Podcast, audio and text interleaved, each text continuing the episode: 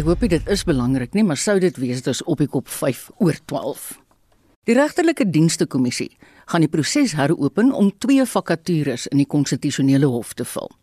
Die Raad vir die Bevordering van die Suid-Afrikaanse Grondwet het met die kommissie saamgestem dat onderhoude met sewe kandidaatregters weer gevoer moet word. Ons praat nou met die uitvoerende sekretaris van Kasak, Lawson Naidu. Good afternoon, Lawson. Good afternoon. Thank you very much. Let us just go back to the beginning. What happened with the original interviews that was considered wrong? Yeah, well, if we go back to the uh, interviews that were conducted by the Judicial Service Commission in April this year, uh, when they were interviewing candidates for two vacancies on the Constitutional Court, it was our view, and I think there was a, a certain amount of shock around the country at the manner in which those interviews were conducted the hostility of the questions mm. that were being posed to, to some of the, question, uh, the candidates, as well as the overtly political nature of some of those questions, yes. which you know uh, uh, got into the realm of party politics, internal party politics, factional issues, and also some commissioners uh, taking issue with some of the candidates. Um, who had delivered judgments against those very candidates. And this was not the platform we felt for uh, party politics and, uh, and, and questioning of judgments in which the commissioners were a party. This was not an appropriate pl- platform to vent those issues, and we felt that the Chief Justice, in particular, had failed to control the JSC as it interviewed those candidates. So, this is a decision as a result of a settlement with the JEC? Yes, because uh, we launched our application on the basis of what we felt to be the unfairness of those uh, interviews. Having launched our application, we were then provided with a record of the uh, deliberations of the uh, JSC in its closed session. And what became apparent from that was that there were no meaningful de- deliberations by the commissioners, that the Chief Justice simply produced a list of five names that he proposed to, the, uh, to his fellow commissioners and they went about adopting that without any uh, deliberation and any evaluation of the merits of each of the candidates, mm-hmm. which is what a rational process would require. So, on that basis, we felt that the whole process was a sham. And the JSC has now conceded to that, and they they, they uh, tabled a settlement offer, which we we are accepted, and it's been placed before the court to be made in order of court, whereby the um, the JSC's decision to uh, shortlist five candidates is set aside and that they have agreed to uh, start the interview process afresh. Lawson, what does this say about the work of the Judicial Services Council? Well, I think it, it, it's an acknowledgement by the JSC that their, their processes have been fundamentally flawed, that they have gone way beyond uh, the constitutional mandate that they have been given which is to uh, to interview and, and nominate uh, candidates who are, who are fit and proper to hold judicial office. This went on to a, a you know, as I say, a, a political um, mm. escapade where judges were being questioned around political issues, and the judges or the, some of the candidates were caught in the crossfire of commissioners wanting to settle political battles. We spoke to a legal expert yesterday who said the criteria for appointing judges were too vague. Are there, in fact, criteria for appointing judges? Well, I would have to agree with that uh, uh, analysis that they are indeed too vague. The Constitution doesn't provide much guidance in this regard beyond saying that they must be appropriately qualified and fit and proper. Um, and we've seen in the past there have been attempts to define criteria for uh, holders of judicial office. And we certainly hope that this matter, that now that we've brought it to the fore, that the JSC will apply its mind to the issue of uh, criteria mm. and discuss and uh, you know with the broader South African society, the legal fraternity, and the, and so on, to to frame a set of guidelines for uh, uh criteria as well as to frame a set of guidelines for the uh, kinds of questions mm. uh, that should be asked of candidates to determine in, indeed whether they, they meet those criteria. What will happen if they now, being re interviewed, will um, interim Chief Justice Zondo preside? Well, we don't know. The, the JSC will have to inform us on how that's going to happen. Um, you know, the situation at the moment is that the uh, JSC has had announced that there are two further vacancies that, is, that have arisen since the, uh, the April interviews, mm. uh, with the two uh, forthcoming um, uh, retirements of, of, of judges from the Constitutional Court. And seven of the people on the list to be interviewed for those two new vacancies are candidates who were interviewed earlier this year. So it is our view that the JSC must now uh, re-advertise mm. uh, because we now have four vacancies on the court. Um, uh, uh, you know, two existing and two that are about to about to come up, and they only at the moment have seven candidates who put their hands up, and we need to have a bigger pool of candidates to draw from. Lawson, what will happen, for instance, with a candidate like David Unterhalter, who were dropped? Well, he's he's one of the candidates who is scheduled to be interviewed in October for these two new vacancies. Okay. But given that the JSC, as I said, have now agreed to rerun the April interviews, those people who were interviewed in April for those two vacancies the two earlier vacancies will have to be uh, interviewed for those positions, mm. and uh, the JSC will now have to uh, re-advertise for the new vacancies that have arisen. And David uh, David Unterhalter will be in that mix uh, again. Good. Um, now, a very important question: Will you be able to monitor the process? We certainly intend to do so. We've worked very closely with another organization called Judges Matter mm. uh, another NGO that monitors these uh, uh, these interviews and has done so for a number of years. And we will be working uh, closely with them to monitor these interviews to ensure that the process is be, is above board, is beyond reproach, and that the uh, interviews are conducted in a manner that the Constitution envisages. Yeah, that's fit. Thank you so very much. Dit was die uitvoerende sekretaris van die Raad vir die Bevordering van die Suid-Afrikaanse Grondwet Lawson Naidu. 'n Internasionale marknavorsingsmaatskappy, Victory Research, sê 58% van Wes-Kaapenaars steun onafhanklikheid vir die provinsie. Vir meer oor die implikasies hiervan, praat ons vandag met Corneil Mulder, leier van die Vryheidsfront Plus in die Wes-Kaap, en die DA se skademinister van Samewerkende Regering en Tradisionele Sake, Silje Brink. Goeiemôre meneere. Goeiemôre, Corneil. Sal jy? Goeiemôre, ek kan jou hoor. Jy kan my hoor. Kom ons ja. val weg met jou want ek het 'n vermoede ons is besig om weer vir Silje in die hande te kry. Corneil, steun julle die idee van afstigting? Ons ondersteun die gedagte van vryheid, van selfbeskikking en vryheid. En ek dink dit is iets wat die werklikheid Afrika, dit is 'n werklikheid wat sterk na vore kom en as jy kyk na die prosesse wat ons loop in terme van leningspeilings soos wat onlangs weer gedoen is die Weskaap, is dit die proses baie sterk groei en ons ondersteun dit baie sterk ja. Silje, wat dink die DA van die idee? Kyk eh, Marita, die DA het begrip daarvoor dat mense vertroue verloor in die nasionale regering en buite die Wes-Kaap self vertroue verloor in grondwetlike instellings. Die Wes-Kaap is uitskieter.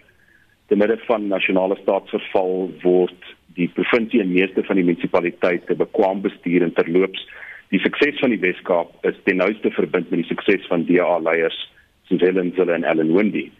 Daar is met reg 'n uh, angstigheid onder Weskaapenaars dat hulle nie saam met die res van die land wil misluk nie en 'n groeiende oortuiging dat die provinsie daarom meer van die magte moet uitoefen wat tans deur die nasionale regering verbrou word. Die DA is heeltemal in voeling met hierdie tydsgees.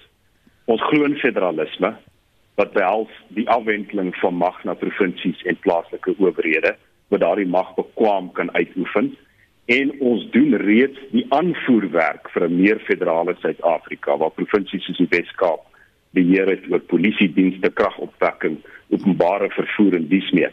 Maar mate die kapasiteit van die nasionale regering verder agteruitgaan, is die Wes-Kaap onder DA beheer goed geposisioneer om inwoners teen die mislukkings van ANC beleid uh, te beskerm.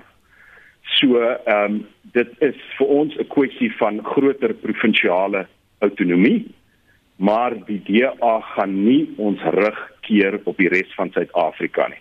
Ons is net soveel 'n party vir die mense van Pretoria en Bloemfontein en Brits, soos wat ons 'n party is vir die mense van Kaapstad, die Wynland en die Tuinroete.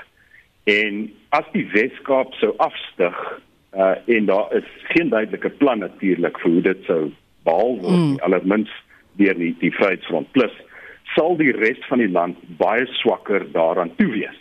En as ek jou net een voorbeeld kan gee, neem jy die DA se Weskaapse parlementslede uit die nasionale vergadering en dit is wat noodwendig sal gebeur as die provinsie op 'n manier moet afskei van die res van Suid-Afrika sal die ANC 'n aansienliker groter parlementêre meerderheid hê insluitend 'n 2/3 meerderheid om die grondwet eensydig te verander wat hy tans nie het nie.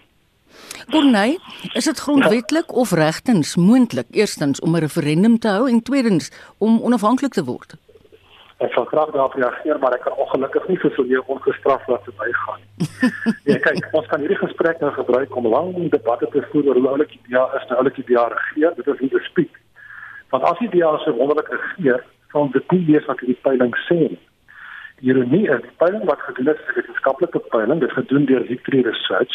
En daardie peiling bevind dat 64,8% van die DA se eie ondersteuners in die Weskaap is ten gunste van 'n referendum oor onafhanklikheid. So indien dit korrek is dat hulle so tevrede is met die DA se manier van regeer in die Weskaap, sal hulle nie vra vir 'n referendum oor onafhanklikheid nie. So eh, die die die sukses in Weskaap het die DA speel 'n rol, maar dit het baie meer te doen met die amptenary wat effektief is, dit baie meer te doen met die demografiese profiel van die Weskaap ensovoorts. Kom ek sê wat die wat die prosesse betref.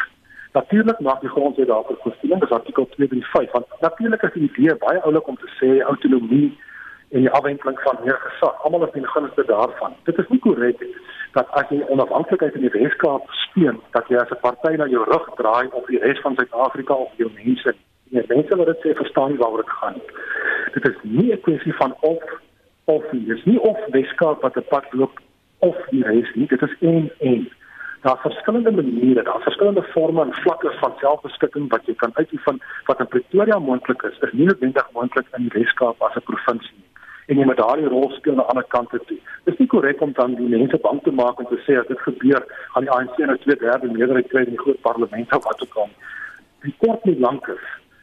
Wie wil vrywillig 'n dag langer staan onder hierdie ANC se korrupte regering? Die antwoord is waarskynlik niemand wat verstand het Maar kom ek kom terug by die by die vraag wat jy vra rondom Dit sal gaaf wees, dankie julle.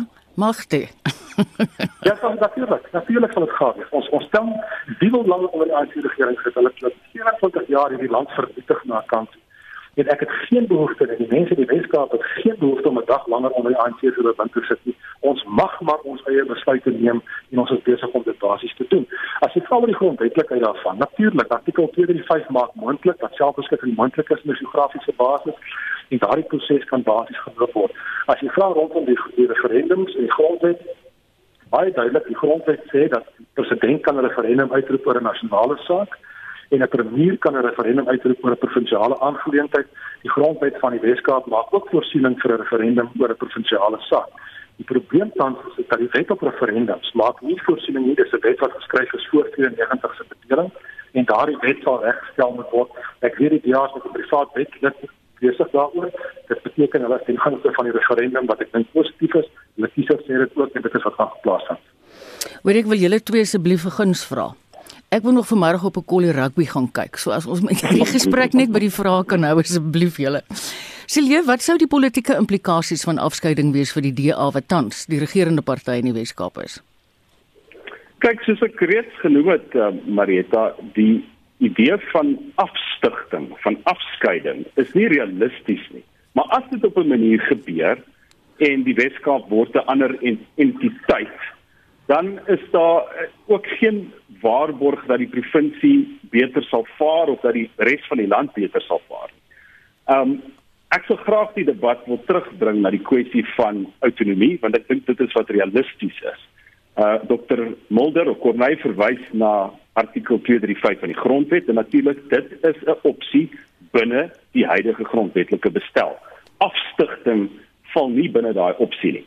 So wat is die wat is die stappe wat geneem kan word? Wat is die aanvoerwerk wat die DA reeds doen om groter autonomie te bewerkstellig? Eerstens in die praktyk neem DA beheerde regerings al hoe meer van die tradisionele funksies van die nasionale regering oor, soos die konstabelmag in uh, die stad Kaapstad waar daar reeds 1000 beamptes is sowel as die pogings deur uh, premier Ellen Wendy om munisipaliteite by te staan om hulle eie krag op te wek en sodoende onafhanklik te word van Eskom oor tyd. Tweedens beklemtoon die DA die bestaande eienskappe van die grondwet wat federalisme vooruitsien. En soos Dr. Mulder daar noem, ons het onlangs 'n wetsontwerp ter tafel gelê om uitvoering te gee aan die magte van provinsiale premiers om referendums uit te roep. So die beste waarborg van groter autonomie vir 'n provinsie soos die Wes-Kaap is 'n sterk DA. En eh uh, Marietta, om met jou eerlik te wees, Dr Mulder is hierso 'n agterryer as dit kom by onafhanklik wording. 'n Party soos die Vryheidsfront het nie eens 'n resolusie geneem by hulle federale kongres wat die Kaap nou moet afstig nie. Ek wonder wat dink daai party se ondersteuners in die res van die land oor wat Dr Mulder hierso sê. Maar jy kan jy kan oor die plaaslike verkiesings van die kom hierdie man speel politiek nou. Ek moet nou baie versigtig wees. Ehm um, ek is ou op jare in hierdie game en ek is hierdie geveg jare. Ek dink hy was op die skool toe ek hier besig was. Maar kom ons laat dit daar. Ehm um, nee, die Vryheidsfront plus weet presies wat hy doen. Ek is die voorsitter van die party se beleidskomitee. Ons weet presies wat ons doen en ek sê weer as ek hom kan help. Dis nie of of nie, dis 'n een een situasie. En dit is baie eenvoudig. As die kiesers so tevrede was met die DA se regering, sal 64% van julle ondersteuners nie aandring op 'n referendum. Die DA moet kennis neem. 20% van julle eie ondersteuners sê in hierdie peiling dat DA nie die pad sal loop nie, net vandag is baie duidelik ons vermaak dat die DA stel nie belang hierin nie gaan vir ander partye stem. Ek weet dit. En ons sluit tans by die Vryheidsfront plus aan en dit is die proses wat aangebeur is. Dis 'n werklikheid. Baie dankie julle twee. Kom ons hoop die regte span wen vanmiddag. Dit was Corneil Mulder, leier van die Vryheidsfront Plus in die Wes-Kaap en Silje Brink, die DA se skademinister van staatsdiens en administrasie. Gister was die laaste dag vir landsburgers om kommentaar te lewer op die voorgenome wysiging van artikel 25 van die grondwet. Die landbouorganisasie SAI het gister hulle voorlegging ingedien en ons praat nou met die voorsitter van SAI se direksie, Dr. Theo de Jaar. Hallo Theo. Goeiemôre Marita, dis 'n groot voorreg om weer met jou en jou luisteraars te gesels. Wat is die inhoud van julle voorlegging, Theo? Marita, buiten die politieke implikasies, wys ons veral ook op die internasionale implikasies daarvan. Ons verteenwoordig familieboere oor die hele land heen En vir ons is beleggingssekerheid ontsettend belangrik. Elke keer as 'n boer 'n ploeg in die grond steek, dan lê hy in daardie grond. Ons is in hierdie bedryf in landbou geweldig afhanklik van buitelandse beleggings en goeie betrekkinge met handelsvennote soos byvoorbeeld die Europese Unie en die VSA. En ons het intensiewe gesprekke met ambassades gevoer oor die afgelope paar maande en het ook 'n hele paar keer in die buiteland gaan kuier en het in by buitelandse regerings gesels oor onteiening sonder vergoeding. En ons voel dat die regering lees die gemoedstoestand hieroor in die buiteland heeltemal verkeerd. Dit word alweer verwerp in die buiteland en die enigste maatstaf waarin dit nou hier by ons gebeur oor onteiening sonder vergoeding gemeet word, is duidelik die universele deklarasie vir menseregte waar daar geen ruimte vir so 'n skuif is nie. Ons wys ook daarop dat nêrens in die geskiedenis van die wêreld en veral nie in die mees onlangse gevalle het daar enige iets goeds gekom uit onteiening sonder vergoeding nie. Dit het nie groei of vrede of stabiliteit teweeggebring nie, byvoorbeeld soos in Zimbabwe hier op ons voorstoep en in Venezuela. So ons vra dat die die die, die ANC moet 'n tweede keer gaan dink hieroor. Volgens julle mediaverklaring sprei die wysiging voort juis uit die ANC se eie interne probleme. Ja, kyk die verskoning wat hulle ehm um, ophaal en en, en dit was deel van hulle bespreking in Desember 2017 by ehm um, hulle beleidskonferensie is dat die vrywillige verkoper beginsel in die pad van grondhervorming staan dat dit grondhervorming vertraag en ons is dus gewoon nie waar nie. Ons wys ook daarop Dit is nie die vrywillige verkoper nie, maar 'n hopeloos korrupte en onbekwame koper wat grondhervorming faal. Ons verwys veral ook na die vorige president, uh, meneer Mutlanti, se se verslag hieroor, die sogenaamde Mutlanti High Level Report on Land Reform wat in 2018 gepubliseer is, waar hy self uitwys dat dit nepotisme, korrupsie en kaping is in die departement van van grondsake wat die grootste struikelblok vir grondhervorming is. Toe onteiening sonder vergoeding gaan gaan nie daardie struikelblok uit die weg uitdry nie. Inteendeel, mm. dit maak dit nog meer moontlik vir korrupsie en nepotisme. Theo het nou daarna verwys, jy het in die buiteland ook in verskillende ambassades meegesels. Hoe word dit in die buiteland gesien? Wat is jou gevoel wat jy kry?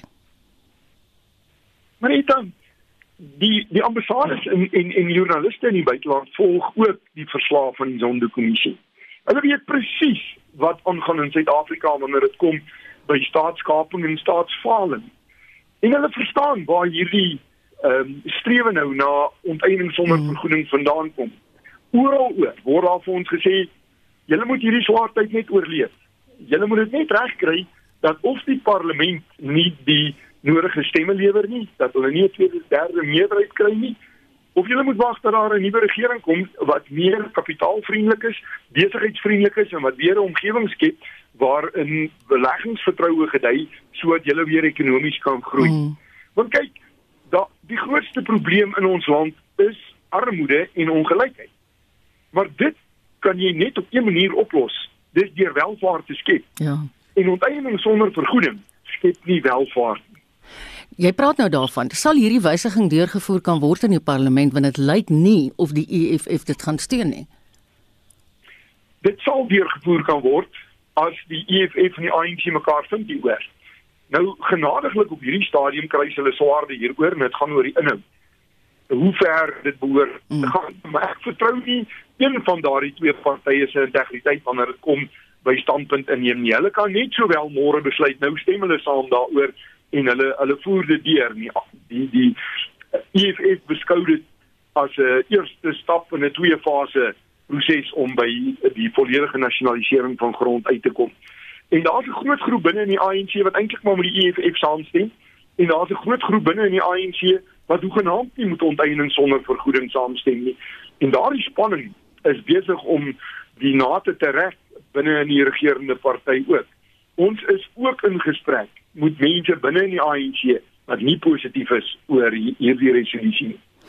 Toe, wat is daar wat organisasies soos byvoorbeeld julle nou saai nog verder kan doen om te help?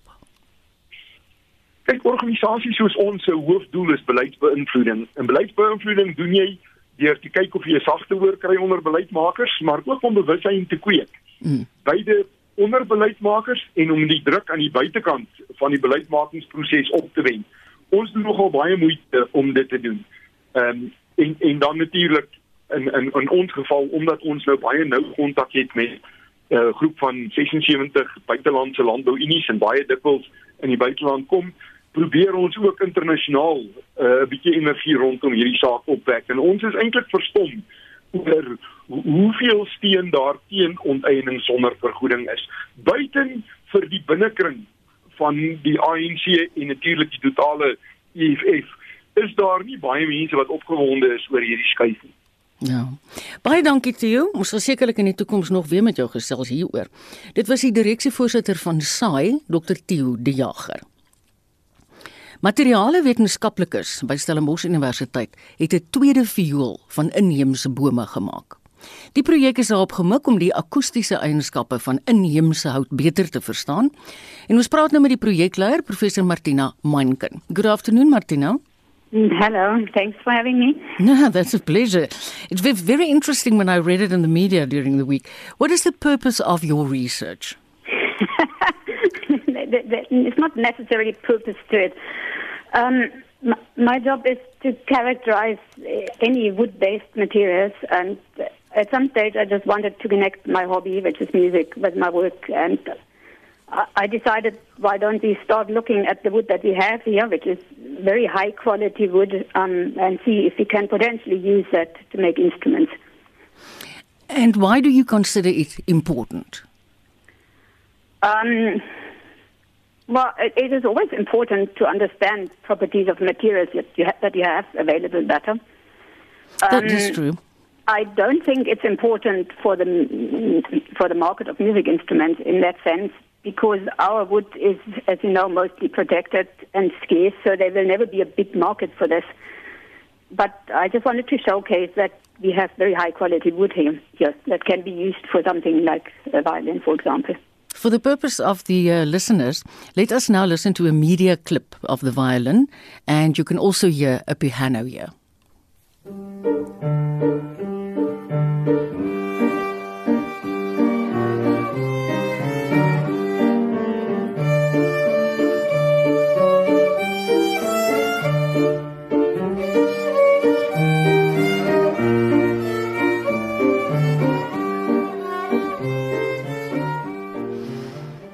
Tell us more about the clip. To what are we listening?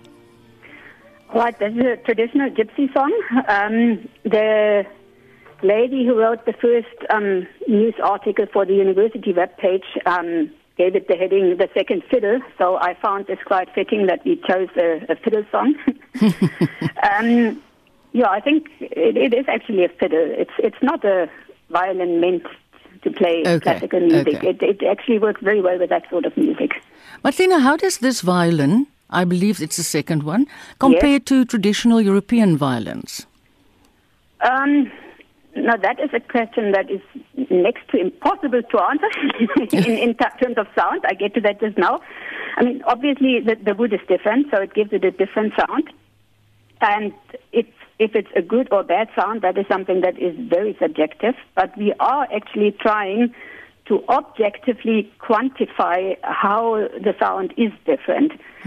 Um, we have started doing that with the first African violin, and that one, for example, is much stronger in the lower registers. It has Oh. very strong low sounds, and it gets a bit weaker towards the higher sounds. So, once again, it's not necessarily worse. It just gives it a different sound quality, um, and it definitely applies to the second one as well. And we are going to study these differences in future.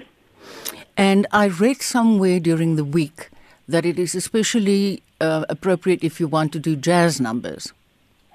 well, that, that's my my feeling, because it has that that strong low sound as well. The second Yeah. one, um, I think it sounds very good for for Yeah. more modern music or something not so formal. And how is the project going forward? Um, yeah, so for now, I think we stick to the two instruments that we have, and we really want to try and quantify the differences in the sound, for example. So that is a co- uh, collaboration with um, somebody from engineering and from the music department. Okay. And we want to, um, between me and some of my students, we want to make the accessories, those pieces that go on the violin, Right. like the fingerboard and the chin rest Yes. and pegs. We want to make those from indigenous wood and potentially maybe start a small business from that. I was wondering why did you use the West African? Is it sapele? Yeah, it was simply because, okay, the, the, the whole project started three years ago already. We, we, um, we used all sorts of wood species and we characterized the properties and we fitted it in certain classification schemes that tell you if a wood can be used as a front or back plate or something like the bow, for example, or the pegs. And the sapele just was the best fit Oh, by far for Okay. the back, which Okay. needs to be strong but hmm. still not heavy. Yes, yes, I hear you.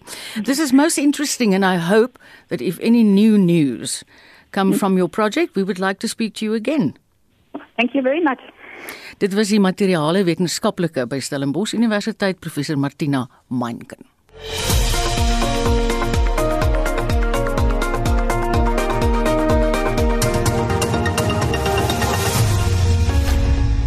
Ek het nou vir Pieter van der Berg op die lyn. Pieter is mos ons sportman. Hallo Pieter. Middag sê Marietta. Ek wil jou vra, ek weet nie of jy net nou die gesprek met die politici gehoor het nie, maar ek het hulle aangejaag want ek wil nog vanmiddag die rugby gaan kyk man. Dis al verskriklik lekker dat ons toetsrugby hier het vir die 4de agtereenvolgende Saterdag in 'n ry. Ja nee, ek moet sê praat jy daarom nou. Dit is heel heel lekker. Onthou sal daar die Britse en Ierse leeu's met 2-1 geklop in daardie reeks. Nou is dit die rugby kampioenskap wat vir ons begin. Nou al vier suidelike halfrondlande wat daarin deelneem is die naweek in aksie. Ons speel teen Argentinië. Dis uh, net na 5 vanmiddag en Jacques Ninaal het 10 veranderinge aan die opdragspan gemaak wat verlede naweek op die veld was. En uh, nou ja, die beginspan van vandag het dit gesamentlik so 412 toetse onder die bel, maar uh, die jongste nuus vanoggend uit die Bokkamp is dat Jaden Hendrikse aan die beseerde Hussel uh, Jantjie se plek sal wees op die bank Ah. en dan uh, soos ons sê daardie wedstryd begin om 5 oor 5 en Dion Skuman sal gereeld verslag doen oor die wedstryd. Vroeger vandag op Eden Park het Nieu-Seeland 8-3 gedruk teen Australië se 3 en hulle het met 57-22 gesê wie dis nou die All Blacks oor Australië, maar uh, dis nadat hulle rustig net met 21-15 voor was, maar in die tweede helfte het die All Blacks absoluut die 3 ingeryg. En dan eergister het Suid-Afrika se vroue rugby span uh, in die eerste toets teen Kenia in Stellenbosch gespeel met 66-0 gewen en hulle tweede toets word dan maandag teen Kenia gespeel ook in Stellenbosch. Dan wat die Karibebeker betref Marietta vanmiddag een wedstryd die Lions en die Bulle. Hulle mee kragte om 0.5. Johan uh, Termal en hy sal verslag doen oor daardie wedstryd. Dan môre is daar twee Karibeker wedstryde. Die Haie speel teen die Cheetahs om 0.5 môre middag en dan om 4:00 is dit die WP teen die Pumas. Het ek gehoor jy sê 66-0 vir ons vroue rugby span? Ja, wonderlik nie. Hulle het hulle 12-3 gedruk in daardie wedstryd in Kenia. So en dan moet ons ook aanvaar dis die eerste keer in amper 2 jaar wat hulle gespeel het, so dis uitstekend. Ja. Dit is baie goed. Ek sien deesdae nogal baie gereeld is Suid-Afrikaners se naam as mens kyk na voorlopersborde van golftoernooie. Is dit hierdie naweek weer die geval? Ja, onthou Erik van Rooyen het verlede naweek daar uh, Barracuda toernooi gewen met 50 punte. Dis 'n ander is 'n uh, 'n nuwe metode wat hulle gebruik hier en daar in toernooie waar jy op 'n pluspuntesisteem werk. Uh, kom maar klop jare, maar dit word nie baie gereeld gebruik nie en hy het met 5 punte geseëvier, hy het 50 punte bymekaar gemaak en om die waarheid te sê, daar in die FSA, hy het op die oomblik op 600 syfer, dis die Wineland Kampioenskap se tweede ronde wat voltooi is.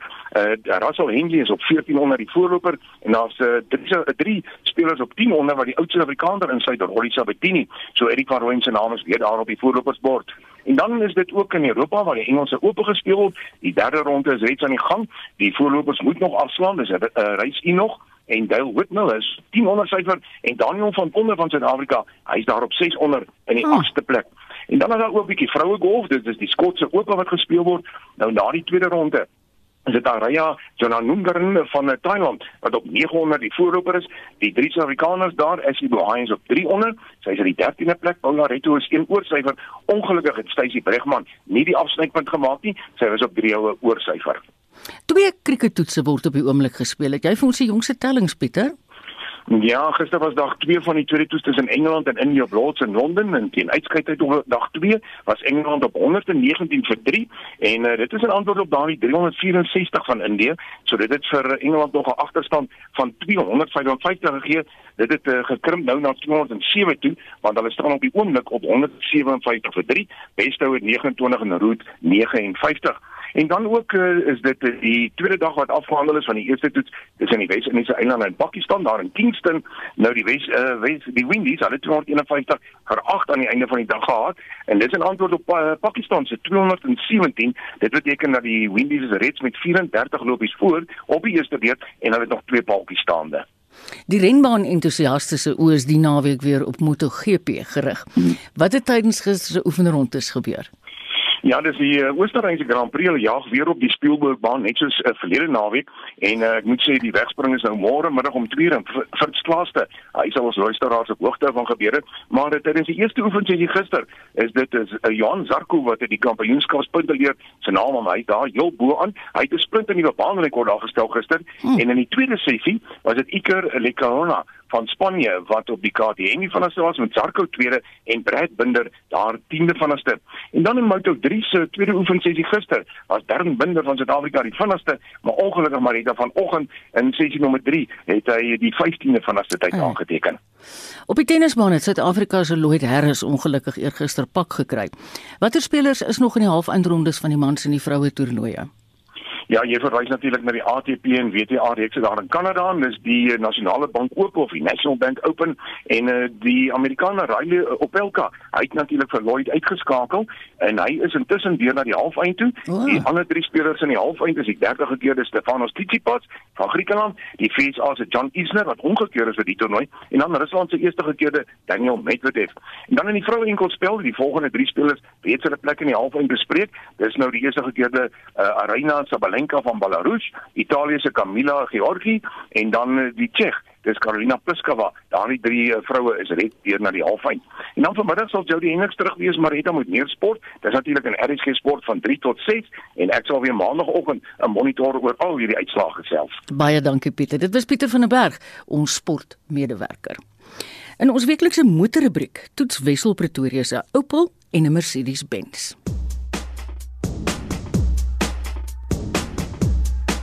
Opel se Corsa is 'n ou bekende hier in Suid-Afrika. Die afgelope 25 jaar is meer as 168 000 eenhede plaaslik verkoop. Inkluis die bakkie wat hoe later die Chevrolet Utility gedoop is. Ek wonder steeds hoekom Isuzu nie maar die gewilde bakkie aanhou maak het toe hulle die General Motors aanleg in die Baai in 2017 oorgeneem het nie. Daar moet goeie redes wees, Maar daai bakkie was gewild. En sedertdien maak net Nissan 'n klein bakkie, die NP200. Die Ford Bantam het al 10 jaar gelede van die mark verdwyn. Maar terug na die Corsa, Opel is deesdae deel van die Stellantis groep wat Peugeot, Citroen, Fiat en Chrysler insluit. Die 60 geslag het pas plaaslik verskyn in aantreklike 5-deur luikrig met minder ronde lyne as die vorige Corsa, nou meer gespierd op die regte plekke. Boonbehalwe twee 1.2 liter handratmodelle, kry jy ook 'n turbo-aangejaagde Elegance topmodel. Ek het laasgenoemde gery. Die kwaliteit van hierdie Elegance model, sulke juit, voel nie heeltemal op die vlak van sy grootste mededinger, die top Volkswagen Polo model nie. En sekere inligting op die digitale instrumentpaneel kon groter gewees het. In elk geval vir iemand soos ek wat 'n bril gebruik om ordentlik te kan lees. Maar die Corsa Elegance kom baie goed toegerus veral in terme van veiligheid. 'n Driebeeld werk in tandem met drie sensors en jy kry parkeersensors voor ook. 'n Baanhoufunksie, verkeerstekenherkenning, bots- en voetganger waarskuwing en outomatiese remming sou jy op die punt wees om te bots. Ook ses lugsakke en elektroniese stabiliteitsbeheer met traksiekontrole. 'n Lieksere sluit in klimaat en togbeheer, outomatiese reënveers en ligte en verhitbare sitplekke vir die voorste passasiers. Baie welkom in die winter.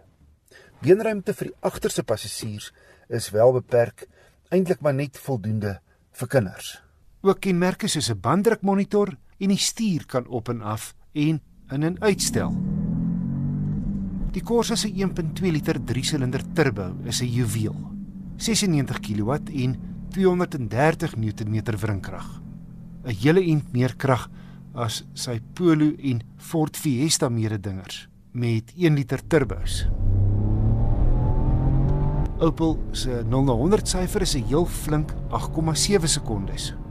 Die 6-spoed outomaties wissel wel stadiger ratte as die Polo se DSG, maar ek dink nie dit gaan bestuurders juis pla nie. Die nuwe Corsa is 'n ent ligter as sy voorganger en sy sleerkoëffisiënt is teen 0,29 die laagste in sy klas wat vir 'n goeie gemiddelde syfer van minder as 7 liter per 100 km gesorg het. Wat ook beïndruk is sy goeie padgedrag, 'n uitstekende balans tussen 'n gerieflike rit en goeie hantering.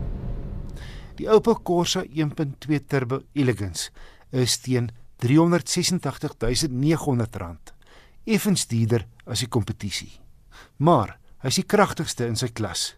Dis net sy neef, die Peugeot 208 met dieselfde masjien en radkas wat kan saamdraf. En die Corsa bied veiligheidskenmerke ongehoord in die klas. Boonop is die buksie pret om te bestuur met ratse versnelling en entoesiastiese hantering. Nie kenmerke wat jy sommer in die klas kry nie.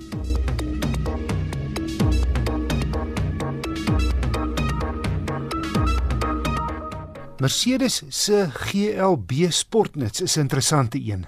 Hoekige lyne wat nogal op die ikoniese G-klas trek. Teen net oor die 4,6 meter lank en breër as 1,8 meter die spieëls uitgesluit, ding die GLB grootte en prysgewys mee met waans soos die Land Rover Discovery Sport en Volvo se XC60. Laasgenoemde twee kom egter standaard met vierwielaandrywing terwyl die GLB 250 petrolmodel, die een wat ek getoets het, net met sy voorwiele trek. Die GLB se dieselmodel, die 220D, trek wel met al vier.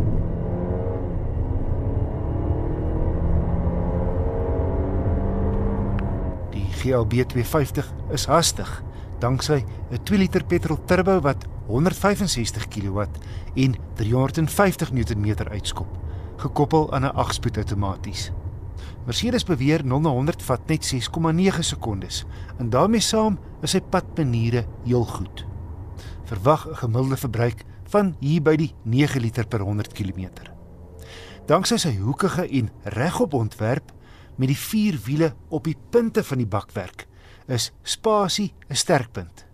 'n Derde rysitplek is opsioneel. Met die derde platgeslaan, is pakplek volop. En die tweede ry sitplekke kan vorentoe en agtertoe skuif afhangende van hoeveel pakplek of beenspasie jy benodig. Soos verwag van 'n voertuig aanderkant 800 000 rand is hy luks met Mercedes se jongste tegnologie. 'n Digitale skerm reg voor die bestuurder vir inligting soos die spoed en links daarvan teenoor mekaar nog 'n skerm vir die ander funksies. Wanneer jy wil hê die sentrale skerm moet vir jou enige opdragte uitvoer, sê jy net: "Hey Mercedes, what do you want to do?" RSG. What do you want to do? Radio RSG. Can you say that again, please? 101.5 praat daarvan dat dit in die voedselketting beland, maar dit is ook dit skei chemikalieë af. Goed, die vrou verstaan nie Afrikaans nie en my Engelse aksent is dalk nie te waffers nie, maar die stemopdragte werk met talle van die GLB 250 se funksies. Soos die navigasie, jy kan maar net 'n winkel of kitskosplek se naam gee en die Engelse vrou lei jou na die naaste tak. My gevolgtrekking, die Mercedes-Benz GLB 250 teen R840 000 is 'n praktiese premium sportnuts met 'n stylvolle hoë tegnologie binneruim en buite 'n voorkoms wat hom 'n unieke karakter gee in die see van byna identiese kruisvoertuie.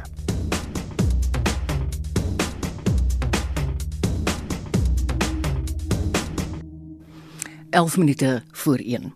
'n Maand na die gewelddadige plundering en onrus in dele van KwaZulu-Natal en Gauteng, is nog net 6 verdagtes in hegtenis geneem. Die regering en sy sekuriteitspaneel het nog nie veel inligting oor die ondersoek bekend gemaak nie. Politieke ontleeders meen die polisie en intelligensiediens is nie in staat om die dreigende veiligheidssituasie in die land te beheer nie. Hulle meen politieke faksies in wetstoepassingsagentskappe is die grootste struikelblok. Estie de Klerk doen verslag.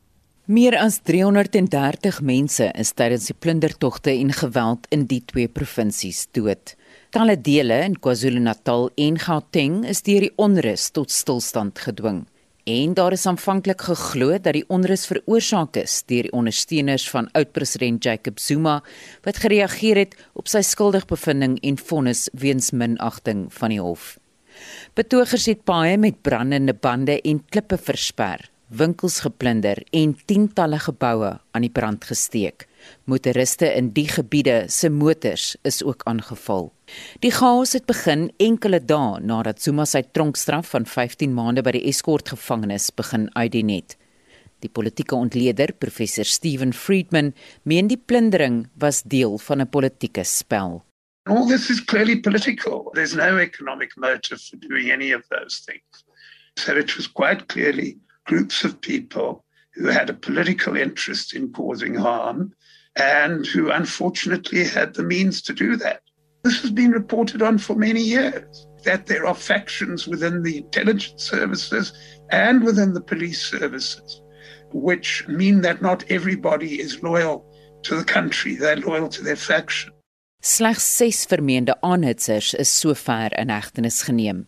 Hulle staar aanklagte van onder meer aanhitsing tot geweld en terrorisme in die gesig en is op borgtog vrygelaat. Friedman sê die inhegtenisnames is nie genoeg nie.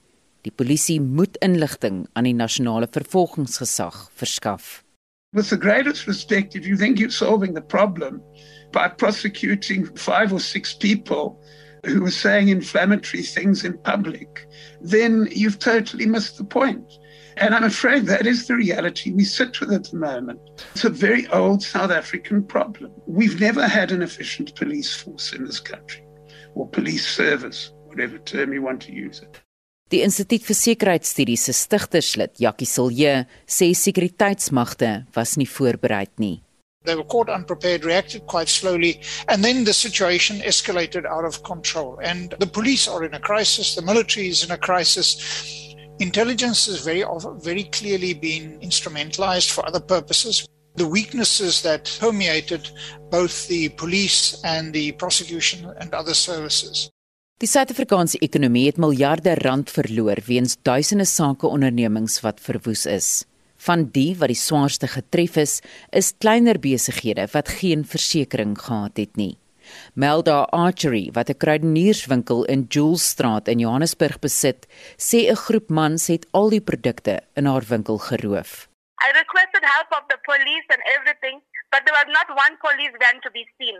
Then, in front of me and my husband, a whole gang of people broke into my shop. They took every single thing out. They're using Zuma as an excuse to let Zuma go. Is Zuma to reimburse me for all my money and that I have lost? Because at this moment, uh, many shops have been broken in George Street, burned.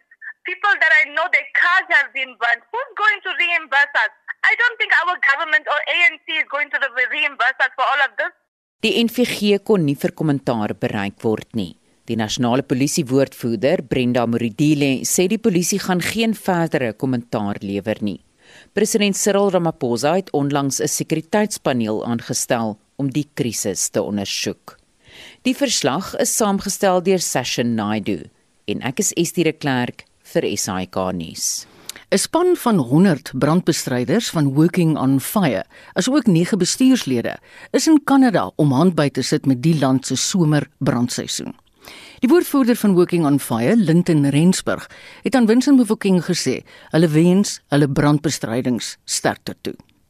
Ek kan bevestig dat gisteraand net na 9 ure het 'n span van 109 brandbestryders en bestuurslede van die werk met vuur program uit Johannesburg vertrek na Winnipeg in Kanada waar hierdie brandbestryders die Kadenese brandoorwede behulpsaam gaan wees met brande wat tans woed in groot gedeeltes van Kanada.